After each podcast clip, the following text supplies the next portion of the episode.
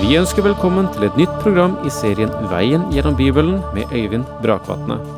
Denne studieserien er produsert av P7 Kristen Riksradio og bygger på serien Through the Bible av Vernon McGee.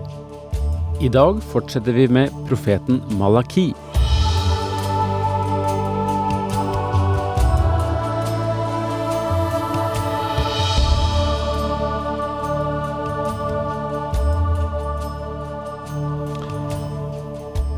I det første kapitlet, som vi la bak oss eh, ved avslutningen sist, så fikk vi se at um, Herren hadde et ord å si til prestene. Presterollen var meget sentral i Israel. Og det var måten prestene gjorde sin tjeneste på, deres holdninger til sin tjeneste, som var en modell for hvordan folket for øvrig skulle se på Gud og forholdet til Gud. Og der prestene stilte seg likegyldig til sin rolle, der eh, førte det nødvendigvis til at folket heller ikke så hvorfor de skulle bry seg. Når vi nå går inn i kapittel to hos denne siste profet i Det gamle testamentet, så møter vi andre sider av den samme sak som han også tok opp i kapittel 1. Altså, det dreier seg fremdeles om prestene. Gud anklager prestene for at de gjør det hellige vanhellig.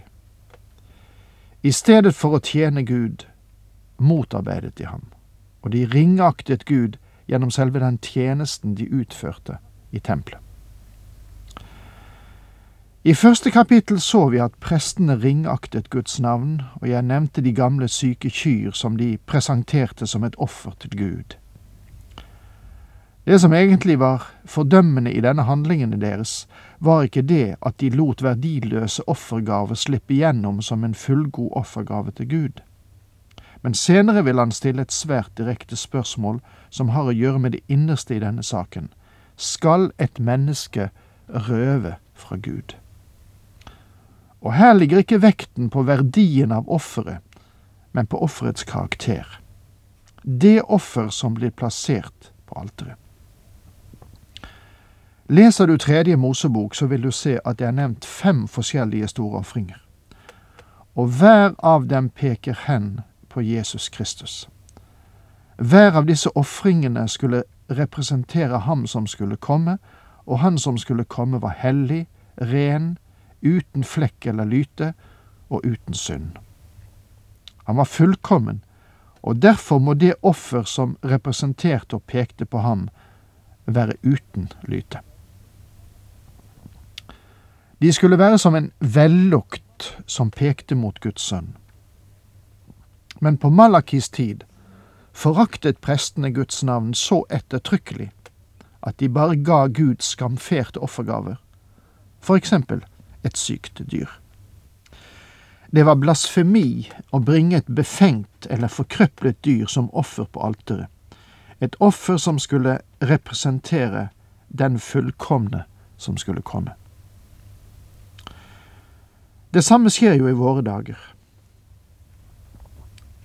For få år siden presenterte den populære rockeoperaen Superstar den Herre Jesus som et umoralsk og forvirret menneske. Nå er det sant at verden ikke kan glemme ham, men verden tenker heller ikke rett om ham.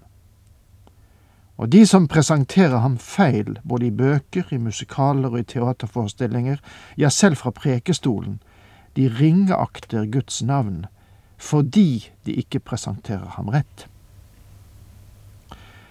Vår Gud er nådig, og vi bør ha den dypeste respekt for ham. Han dømmer synd, det er sant, og vil også dømme den i fremtiden.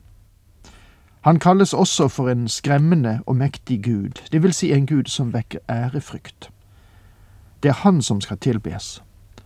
Han skal opphøyes. Så sant jeg har tid, er det godt å sitte ned og lytte til et stykke klassisk musikk, synes jeg. Ja, jeg liker an andre typer musikk også. Men eh, ofte klassisk musikk. Og ofte er det også Johan Sebastian Bach jeg tyr til. Og omtrent hver gang jeg møter hans musikk, tenker jeg på at på hvert forsatsblad til sine verker satte han disse ordene til Guds ære alene. Soli deo gloria. Det at vi lite priser Gud og i stedet priser mennesker, er også et uttrykk for at vi, selv i de beste kristne kretser, ringeakter Guds navn. Siden alle sanne troende er prester i den tid vi lever, så har denne profetien av Malaki, som er rettet mot prestene, en dypere liggende mening for oss. I kapittel 1 vers 6 henvender Gud seg til prestene og anklager dem for å ringeakte hans navn. Og nå, i kapittel 2 vers 1, henvender han seg til dem enda en gang. Og nå går vi da inn i teksten i kapittel 2. Og nå, dere prester, kommer dette bud til dere. Så her merker du at fremdeles har han med de religiøse ledere å gjøre, prestene. Vil dere ikke høre og ikke legge dere dette på sinnet, slik at dere ærer mitt navn, sier Herren Allherrs Gud, sender jeg forbannelse mot dere. Jeg gjør din velsignelse om til forbannelse. Ja, jeg gjør den til forbannelse fordi dere ikke tar dette til hjertet. De tok ikke tjenesten sin på alvor, og Gud ville dømme dem strengere enn han generelt ville dømme folket.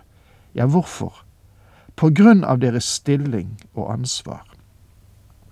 De tillot alle disse bedrøvelige ting å hende. De lukket øynene for det faktum at folket brakte lamme og syke dyr som offergaver. Gud hadde gitt dem sannhetens lov, men de underviste ikke folket om den. Og til oss som forstander og forkynnere, prester og predikanter, enten på heltid eller deltid, vil jeg gjerne få si, den som er meget gitt, av han skal meget kreves. Det er mindre drastisk å være en ukristelig kjeltring på jorden enn å være en av Herrens tjenere med et vantro hjerte som ikke gir folket Guds ord i sin fulle bredde og dybde. Gud vil holde oss ansvarlige for det budskap vi fikk å forvalte. For det er det som også danner modell for hvordan folket skal tilbe. Se, jeg vil true deres ett. Avfall av offerdyr etter festene deres kaster jeg ansiktet på dere, og med det skal dere bæres bort. Se, jeg vil true deres ett. Det frafall som nå foregår i det slektsledd Malaki taler om, vil ha konsekvenser for den nye generasjonen som vokser opp. Vi taler om hvilke negative konsekvenser det har at vi ikke forvalter jordens naturlige ressurser for våre etterkommere. Men hvilke konsekvenser vil det ha for våre etterkommere om vi ikke rett forvalter de åndelige ressurser som Gud har gitt oss, både direkte og gjennom den kristne arv vi har fått via slekten. Avfall av offerdyr etter festene deres kaster jeg i ansiktet på dere. Det betyr egentlig at prestene blir urene og erklæres av Gud å være urene og ikke tjenlige for den oppgaven de var satt til. Gjennom det som beskrives her, er de ikke i stand til å tjene ved hans alter. Hvorfor? Fordi intet urent kan komme dit, og de vil sannelig være urene. Og dere må vel medgi, eh, mine venner, at det er et sterkt språk Gud bruker her. Men det spørs om det ikke er nødvendig. Da skal dere skjønne at det er jeg som har sendt dette bud til dere. Så min pakt med Levi kan stå ved lag, sier Herren allherrs Gud. Min pakt med ham gav liv og fred. og det gav jeg ham så han skulle frykte. Han fryktet meg og hadde age for mitt navn. Pålitelig rettledning var i hans munn, og det fantes ikke svik på hans lepper. Han vandret med meg i fred og rettferd, og berget mange fra syndeskyld. Dette gir oss årsaken til at Gud valgte Levis stamme. Om vi ser på Levi, Jakobs sønn, så ville vi aldri ha valgt ham fordi han ikke hadde noe som kunne gi ham anbefaling for Gud. Og da den gamle Jakob var døende, så kalte han sine tolv sønner til seg, og de sto ved siden av sengen hans, og han kom med et profetisk utsagn om hver av dem. De finner vi i Første Mosebok kapittel 49. Og han sammenfattet Simeon og Levi i én profeti, og sa følgende Simeon og Levi er brødre. Voldsvåpen er deres sverd. Jeg vil ikke møte i deres råd, vil ikke være med i deres forsamling. For i sinne slo de menn i hjel, og egenrådig skamskar de okser.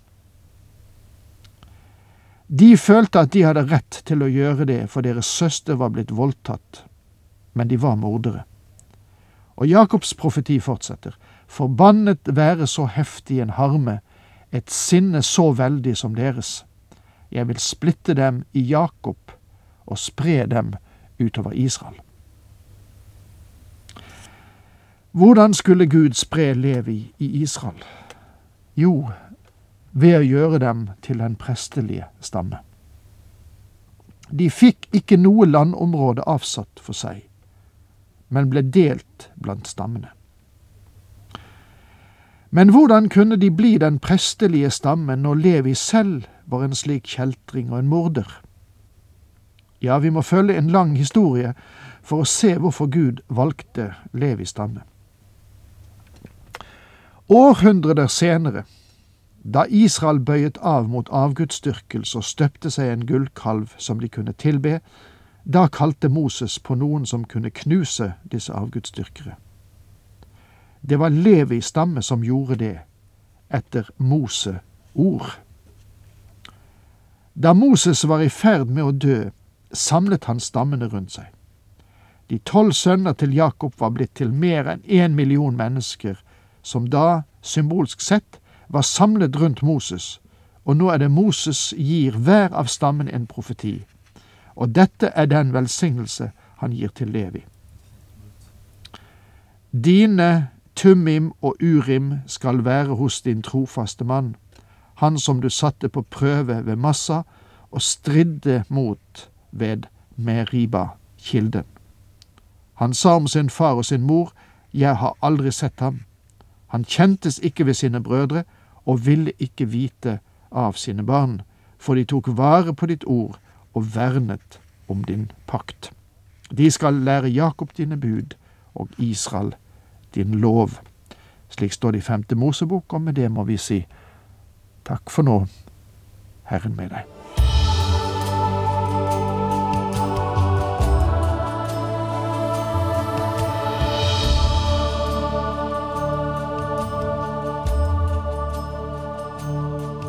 Du hørte Øyvind Brakvatne i studieserien Veien gjennom Bibelen. Serien bygger på et manus av Vern McGee. Har du spørsmål eller kommentarer til programmet, kan du sende en e-post til vgb krøllalfa p7.no. Takk for i dag, og på gjenhør.